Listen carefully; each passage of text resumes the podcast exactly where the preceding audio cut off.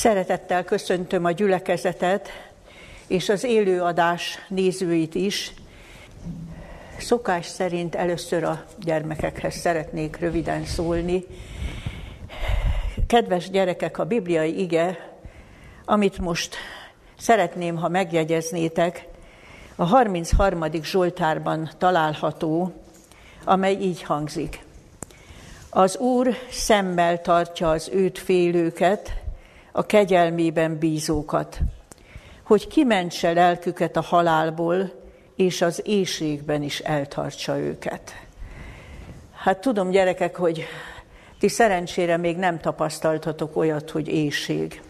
Nem értetek meg háborút. Eh, itt még a mi országunkban annyira súlyos természeti katasztrófát sem éltünk meg, vagy csak egyes helyeken eh, éltek meg ilyen félelmetes eseményt emberek. De azért még mint gyerekek is nagyon sokat hallottuk arról, hogy mennyi veszedelem van a mi világunkon, és mennyi várható. És én szeretném, ha ezt megjegyeznétek, és ha felnőttök és belekerültök nehéz körülményetekbe, körülmények közé, akkor is emlékezetetekben lenne. Még egyszer olvasom. Az Úr szemmel tartja az őt félőket, a kegyelmében bízókat, hogy kimentse lelküket a halálból, és az éjségben is eltartsa őket. Eh, mit, mit fejez ki az, hogy szemmel tartja? Nem tudom, van-e kis testvéretek, de mindenképpen láthatok ilyet, hogy kis totyogó gyerek, és az édesanyja végzi a munkáját a konyhában, vagy másutt a házban, de azért a fél szeme mindig rajta van a gyereken, hogy nehogy valami bajt szerezzen magának.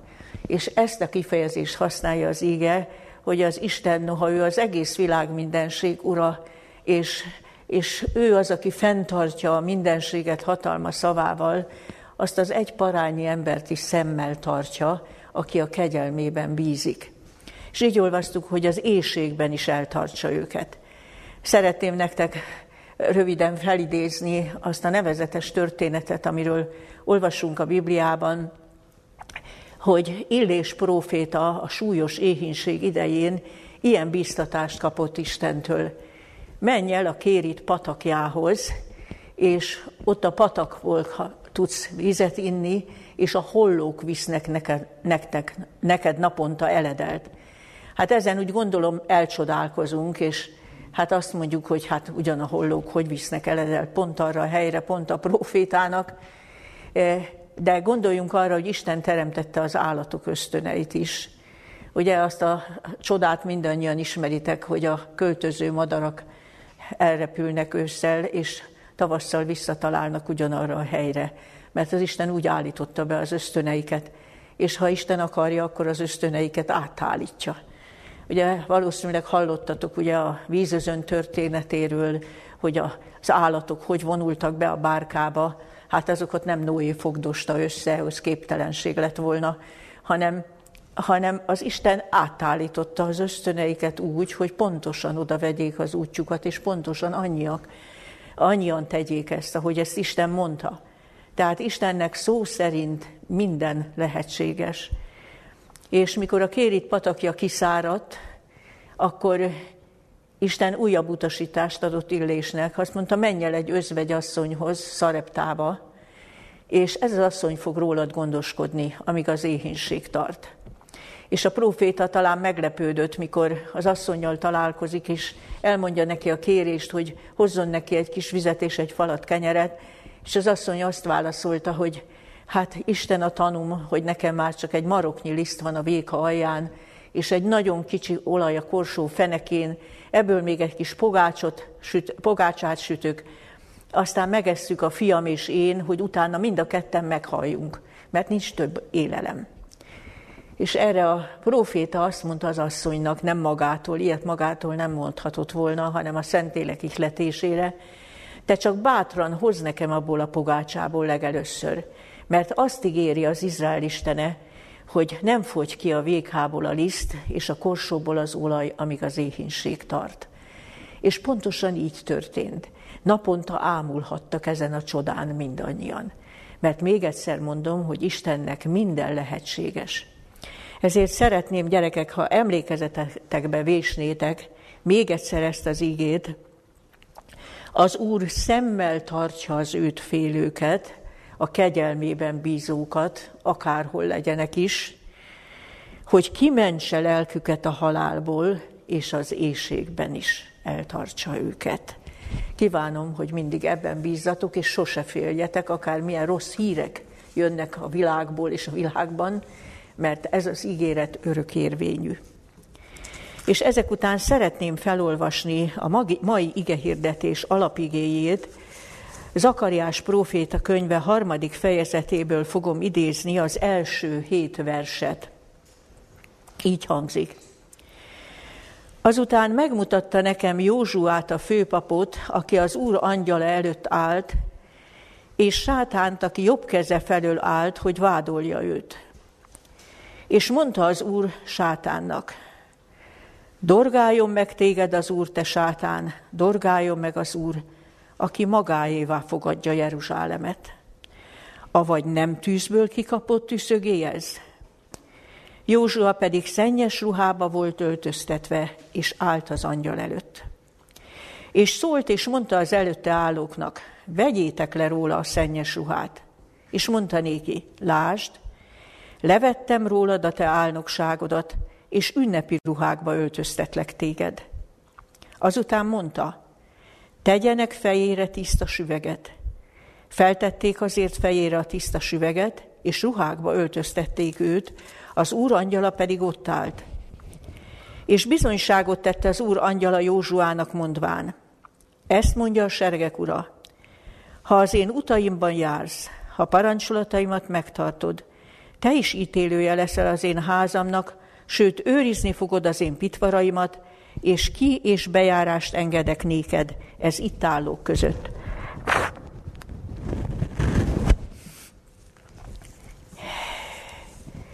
Zakariás próféta a zsidó nép a babiloni fogsága után a Jeruzsálemi templom újjáépítése idején működött. Zorobábel fejedelem és Józsua főpap, két istenfélő hívő ember, ők voltak a nép vezetői ebben az időben. Az építkezés azonban a környező népeknek az ellenségeskedése miatt eh, nagyon küzdelmesen folyt, és a nép elcsüggett. Ekkor, pontosan időszámításunk előtt 520-ban kapta Zakariás próféta a vezetők és a nép bátorítására azt a látomást, amiből egy részletet most felolvastam.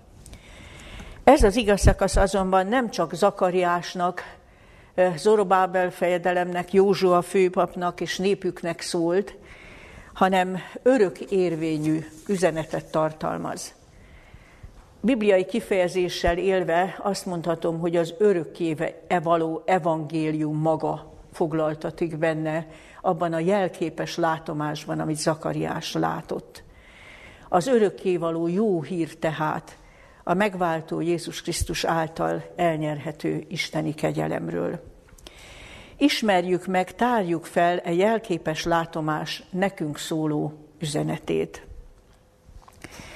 Az első versben azt olvastuk, hogy Zakariás próféta látomásában azt szemlélte, hogy az Úr angyala előtt állt Józsua a főpap, mégpedig, ahogy a negyedik versből kitűnik, szennyes ruhában. És ebben rejlik az első fontos mondani való számunkra. Józsua nem csak a saját személyében állt itt az Úr angyala előtt, hanem mint főpap a népét képviselte. Nyugodtan fogalmazhatunk így, hogy Józsua főpap ebben a látomásban Isten mindenkori hívő népét jelképezi. És ki az Úr angyala? A Héber szó, amit itt angyalnak fordít a Szentírás, elsődlegesen követet jelent. A mi Bibliánk hol követnek, hol angyalnak fordítja. Ezen a helyen helyesebb lenne így fordítani az Úr követe. Nem így, hogy az Úr angyala, hanem az Úr követe. Ugye érezzük is a további leírásból, hogy itt sokkal hatalmasabb valakiről van szó, mint a, az angyal seregek egyik tagja vagy, vagy képviselője.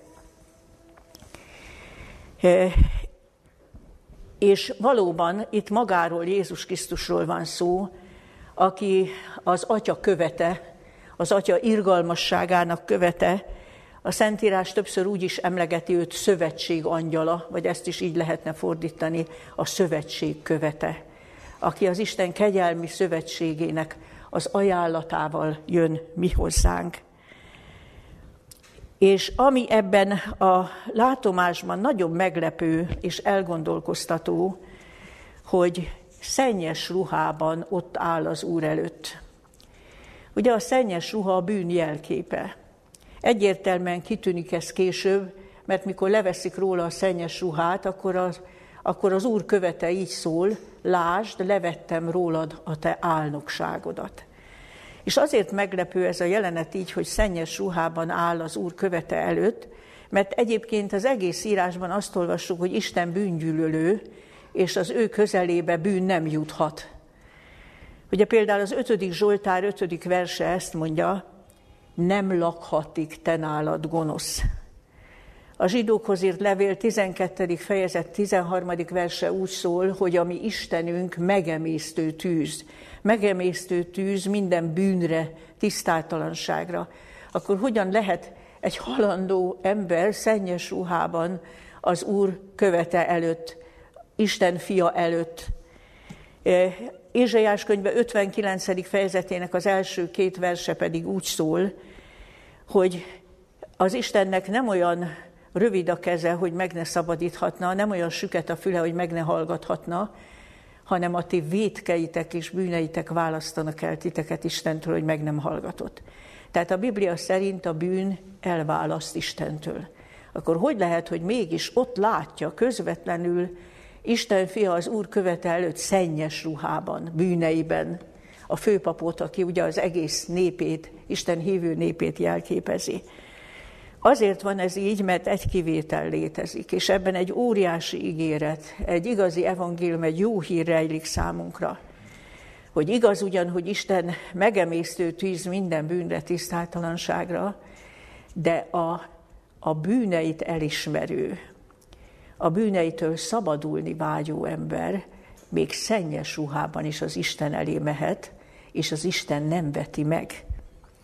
A bűneit emelt fővel viselő, azzal akár büszkélkedő ember, vagy aki ismeri ugyan a törvényszegést, de mégis mentegeti magát, és önigazolásba öltözik, az nem. Erre az Isten jelenléte megemésztő tűz.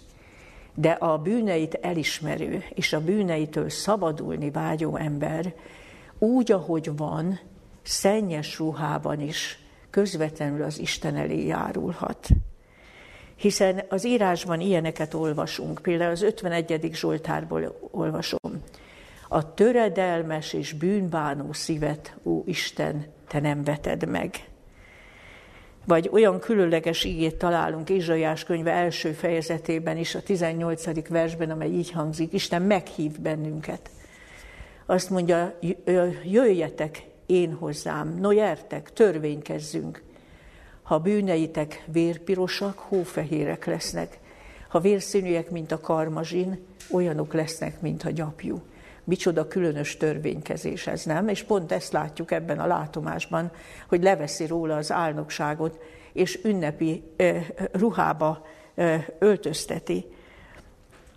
Ugyanez, mint a, ugyanezt az üzenetet közvetíti amikor az új szövetségben Jézus szavát olvassuk, aki így szólt a sokasághoz, jöjjetek én hozzám minnyáján, akik megfáradtatok és megterheltettetek.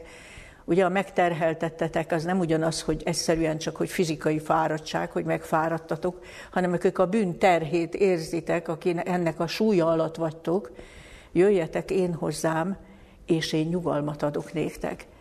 Tehát Istentől nem, hogy elválasztotta az az ember, aki a bűneit felismerni és szabadulni vágyik, egyenesen Isten hívja meg, hogy jöjjön az ő közelébe, jöjjön ő hozzá, annak ellenére, hogy Isten bűngyűlölő, őnála nem lakhat bűn. Miért fontos ezt annyira hangsúlyozni?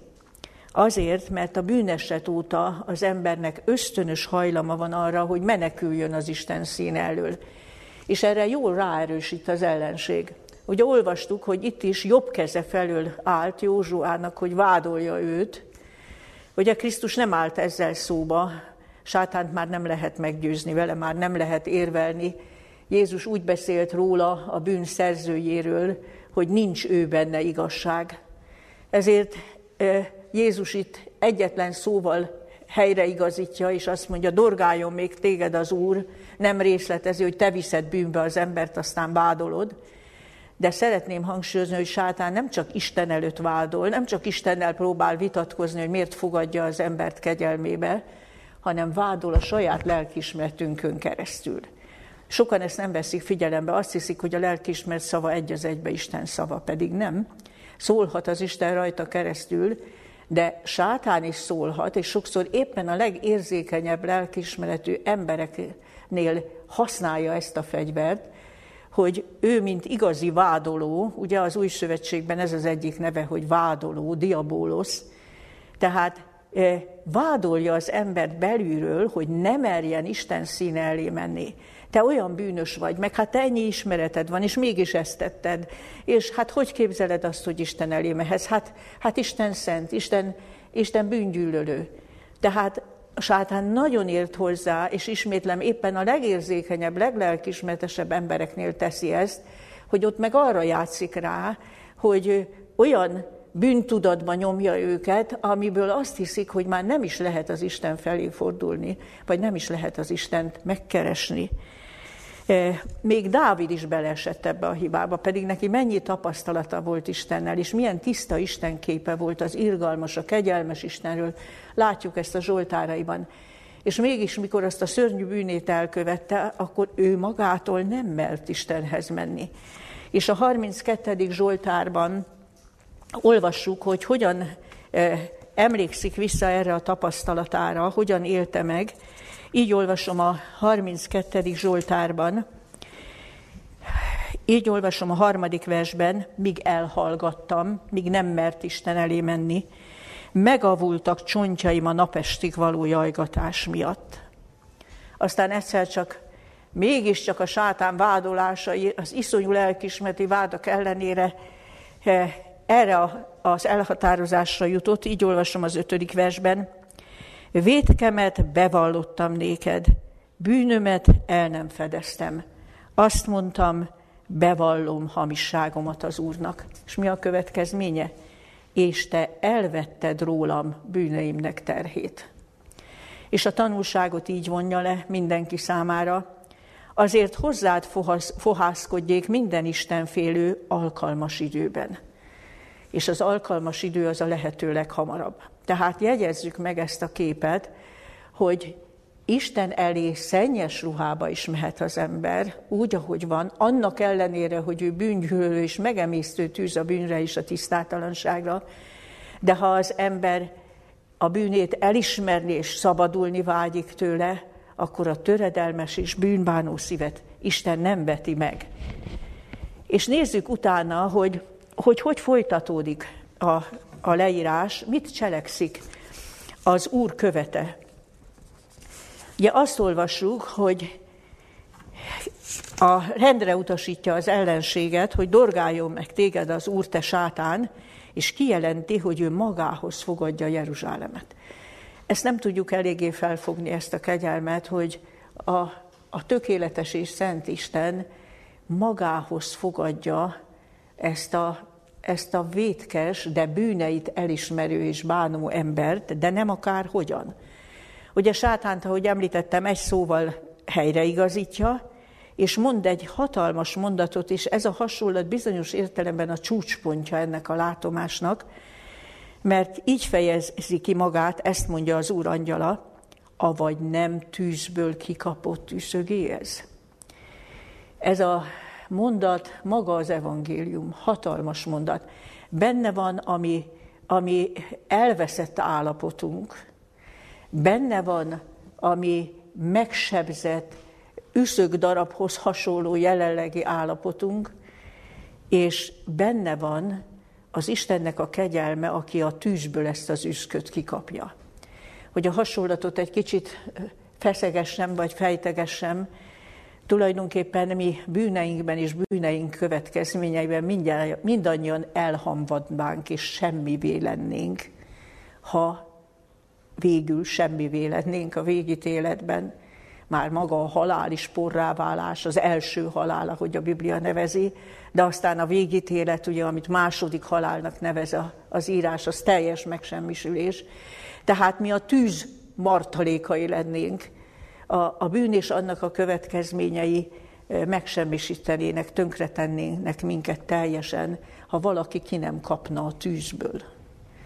És ebben az is benne van, hogy ahhoz a tűzhöz közel kell menni, sőt, itt a hasonlatot így kell értelmeznünk ebben az esetben, hogy Krisztus bemegy értünk a tűzbe, sőt, maga válik a tűz áldozatává azért, hogy minket megmentsen.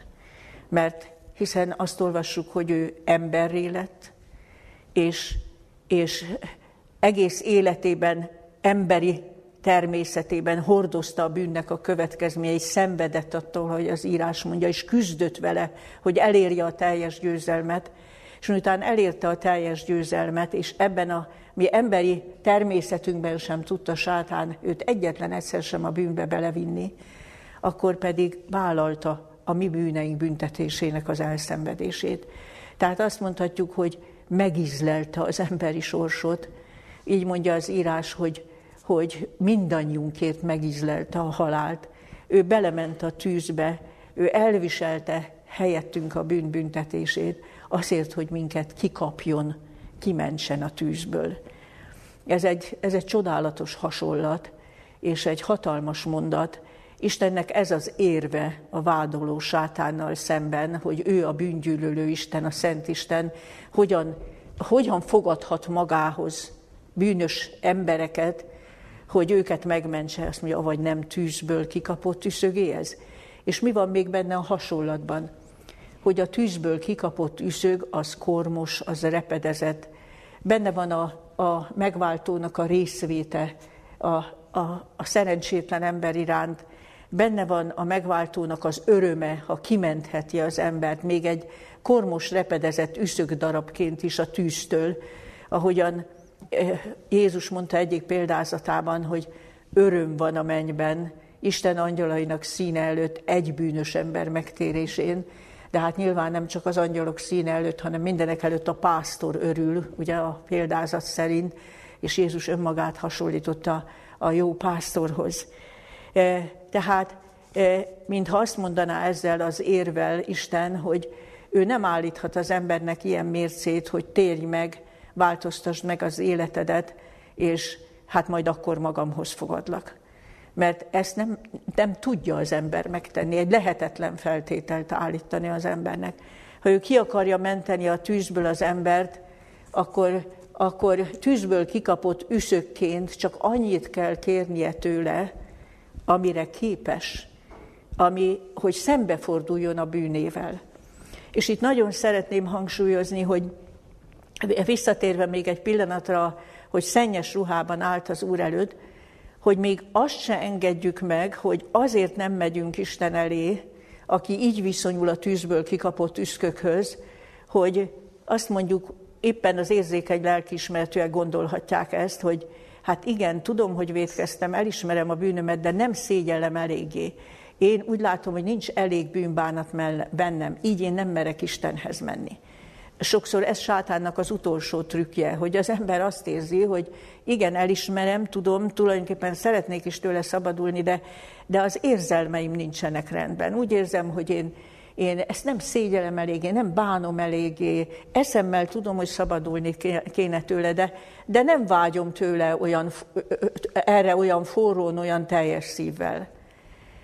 Ilyenkor jusson eszünkbe az apostolok cselekedetei 5. fejezetének a 31. verse, amely ezt mondja Krisztusról, hogy őt adta Isten nekünk, őt támasztotta Isten nekünk, hogy adjon az ő népének bűnbánatot és bűnöknek bocsánatát.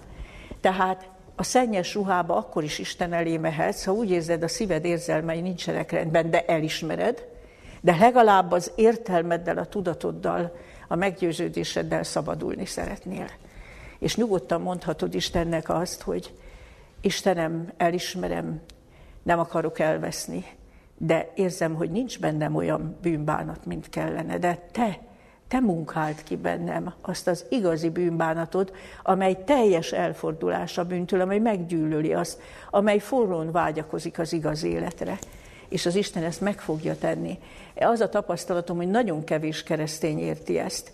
Úgy gondolják, hogy Krisztus adja a, a bűnbocsánatot, de a bűnbánatot azt nekünk kell kicsiholni magunkból. De az írás azt mondja, hogy ha belátod, és ha akár milyen halványan is, de tudod és akarsz szabadulni, akkor is merészkedj hozzá menni, mert, mert ő ad az ő népének bűnbánatot és bűnöknek bocsánatát. És hogyan fogadja magához akkor Isten az embert? Egy nagyon fontos dologra kell rámutatnunk. Ugye úgy olvastuk itt a negyedik versben, hogy rendelkezik, hogy levenni róla a szennyes ruhát, és azt mondja neki, lásd, levettem rólad a te álnokságodat, és ünnepi ruhákba öltöztetlek téged. Nehogy azt gondoljuk, hogy ez egy külső dolog, hogy Isten egy ilyen, ilyen, ilyen jogi dolgot valósít meg, egy ilyen, hogy mondjam, egy ilyen jogi ügyeskedés lenne ez, hogy hát igen, az ember vétkes, de Krisztus elviselte ártatlanul helyette a büntetést, hát ezért most Isten igaznak nyilvánítja őt nem az ember szívében is Isten ebben a pillanatban mélységes változást munkál. Az álnokságot belül veszi le róla.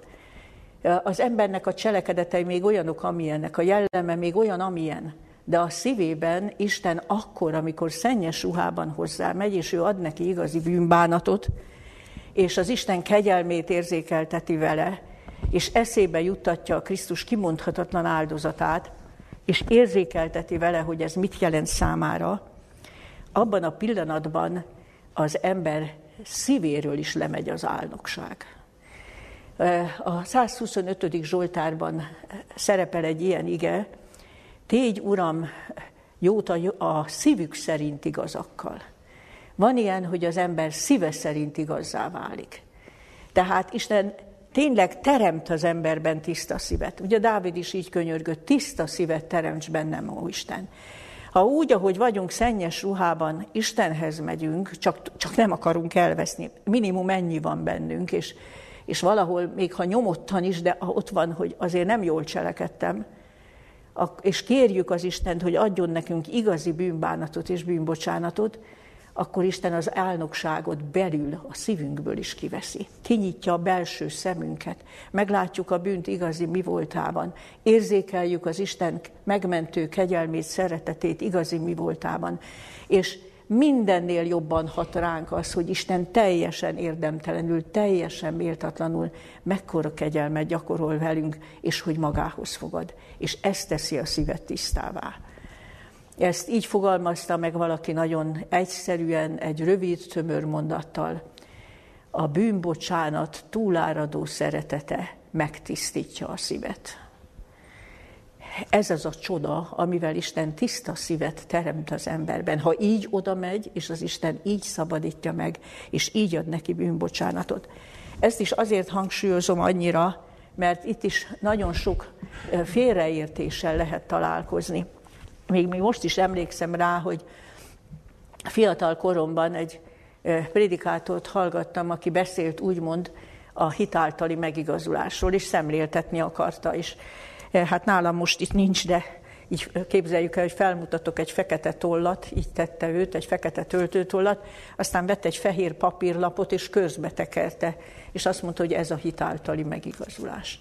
Hát ez egy óriási tévedés, mert a példázatban, a látomásban, a jelképes látomásban nem ezt olvassuk, nem úgy fogadja magához a szennyes ruhában, hanem úgy fogadja magához, hogy leveszi az álnokságot, hogy tiszta szívet teremt benne, cselekedeteiben még nem igaz, jellemében nem igaz, de ami a legbelső lényege az embernek, a belső ember, ott Isten tiszta szívet teremt, és így fogadja magához. Tehát nem a bűnnel való megalkuvással fogadja magához. És ilyen eljárás csak az Isten tud kitalálni, nem? Az ember nem tudná fölfogni, hogy ő ugyan nem egyezik ki a bűnnel, mégis szennyes ruhában is mehet az ember hozzá, és leveszi róla az álnokságot, és ünnepi ruhába öltözteti. Ilyenkor az ember lelkében tényleg ünnep van, hálaadás, öröm, megszégyenülés is, de hálaadás és kimondhatatlan öröm is. Ez az Istennek a csodája, hogyan az embernek a szívét megváltoztatja. De a történetnek nincs itt vége, utána elhangzik a rendelkezés, hogy tegyenek fejére tiszta süveget. Ugye ne felejtsük el, hogy Józsua főpap volt, és az Ószövetségben olvassuk, hogy mi volt ráírva a papi süvegre. Ez volt ráírva, szentség az Úrnak. És ez mit fejez ki, hogy mostantól fogva az ember a lelkében elkötelezett arra, hogy, hogy szenti akarjon lenni, mint az Isten szent, aki őt így megmentette.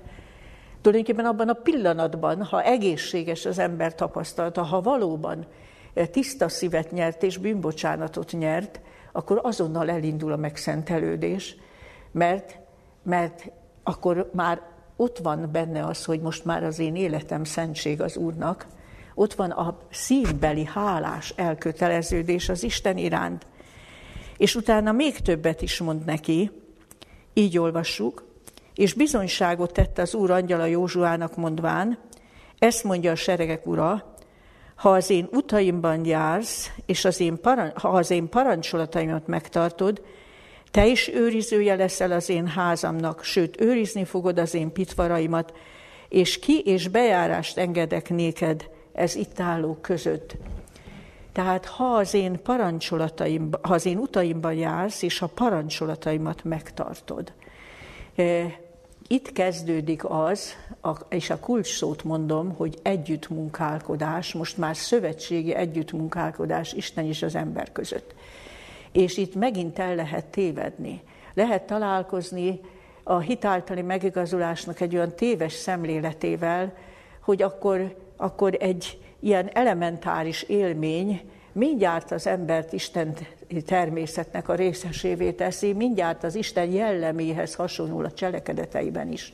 Nem, ezt már az Isten nem teremti egymaga. A tiszta szívet ő teremti bennünk a Krisztus kimondhatatlan áldozatával, annak a megértetésével, és az ember része csak annyi, hogy ezt elfogadja, de a továbbiakban Isten, miután ezt a csodát megtette az emberrel, együttmunkálkodást vár. És az, hogy az ember élete szentség legyen az Úrnak a továbbiakban, ez már Isten és az ember együttmunkálkodásával valósul meg. Mert az Isten annyira tiszteletben tartja a szabad választásunkat, hogy miután tiszta szívet teremtett bennünk, ő, ő már önhatalmúan nem munkálkodik a mi szívünkben, ehhez nekünk áll, ehhez állandóan szükséges ami, ami egyetértésünk, ami akarásunk, ami, ami együttmunkálkodásunk. Hadd idézzek igét ezzel kapcsolatban.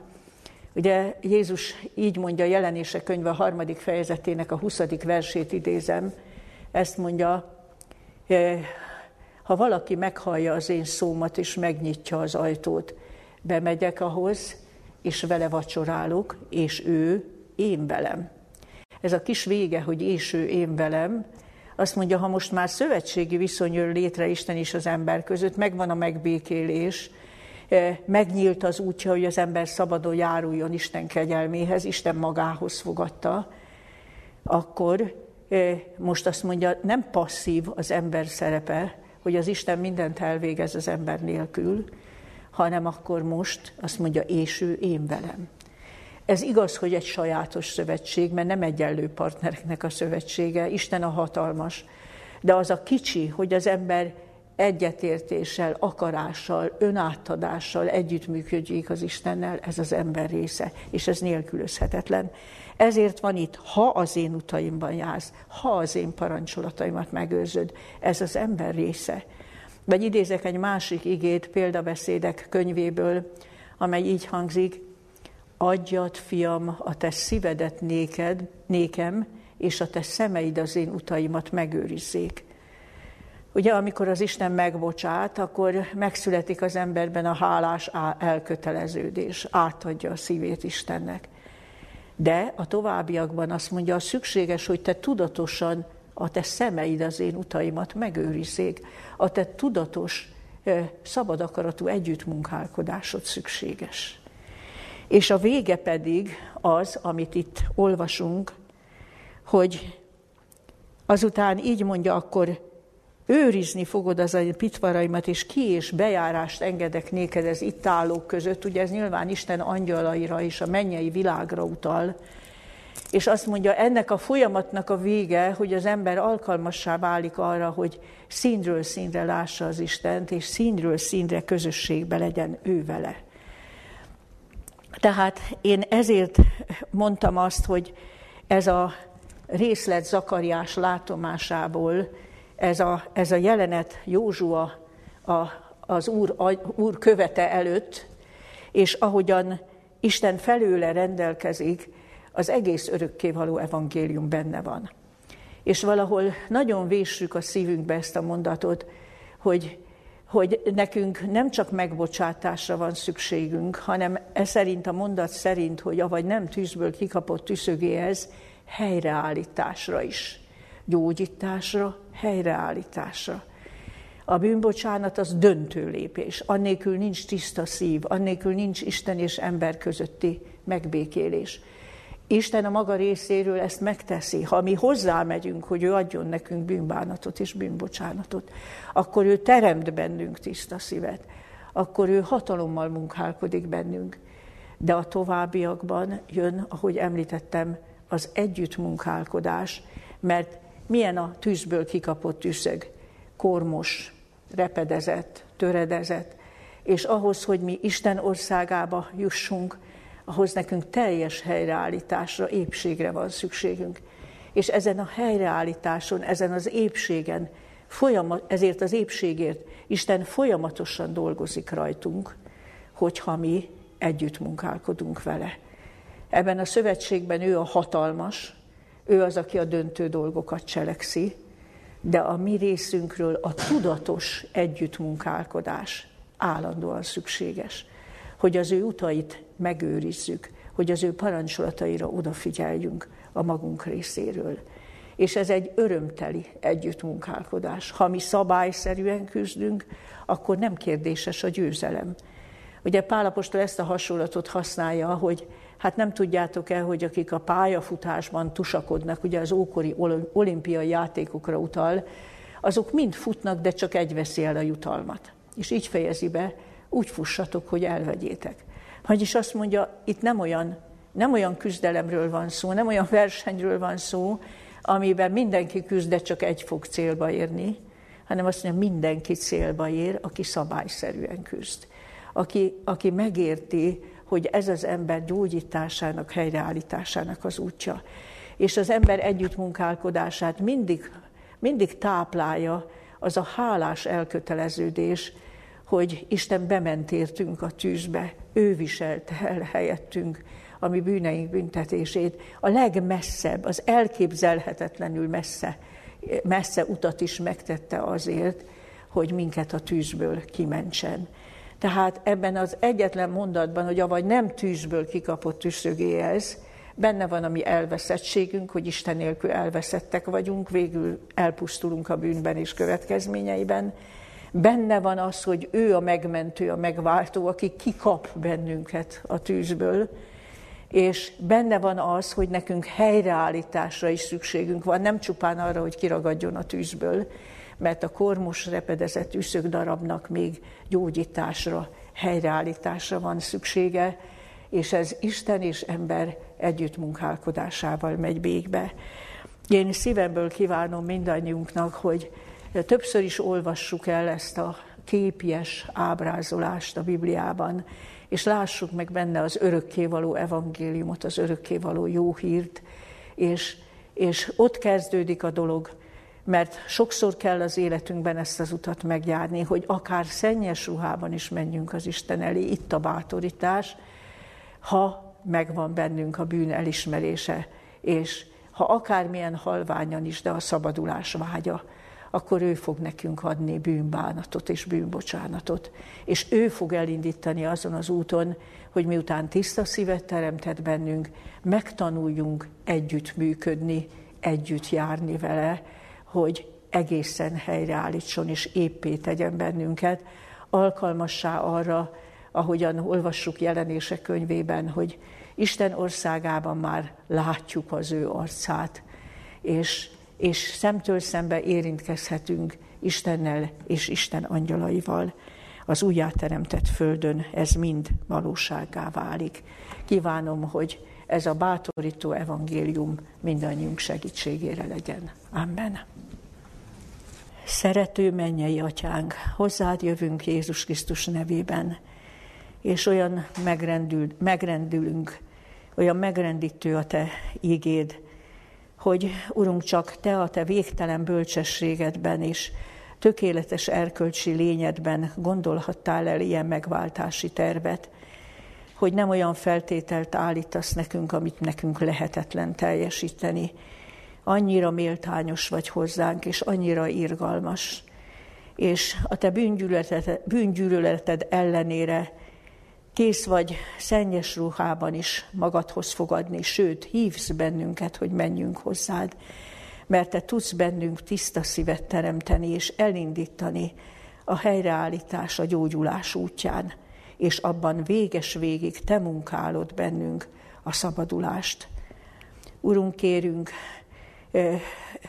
segíts nekünk, hogy megértsük a Te evangéliumodat, és ne csak megértsük, hanem, hanem értékeljük, olyannyira értékeljük, hogy olyan gondolat fogalmazódjék meg bennünk, hogy ekkora áldozatot nem lehet visszautasítani, hogyha Krisztus még a tűz közepébe is bement értünk, hogy kiragadjon, mint tűzből kikapott tűzköt, akkor mi nem lehetünk se könnyelműek, se hanyagok, akkor, akkor a mi számunkra ebben a boldogító, ebben a végtelenül értékes szövetségben van az az út, amelyen megszabadulhatunk és győztesek lehetünk.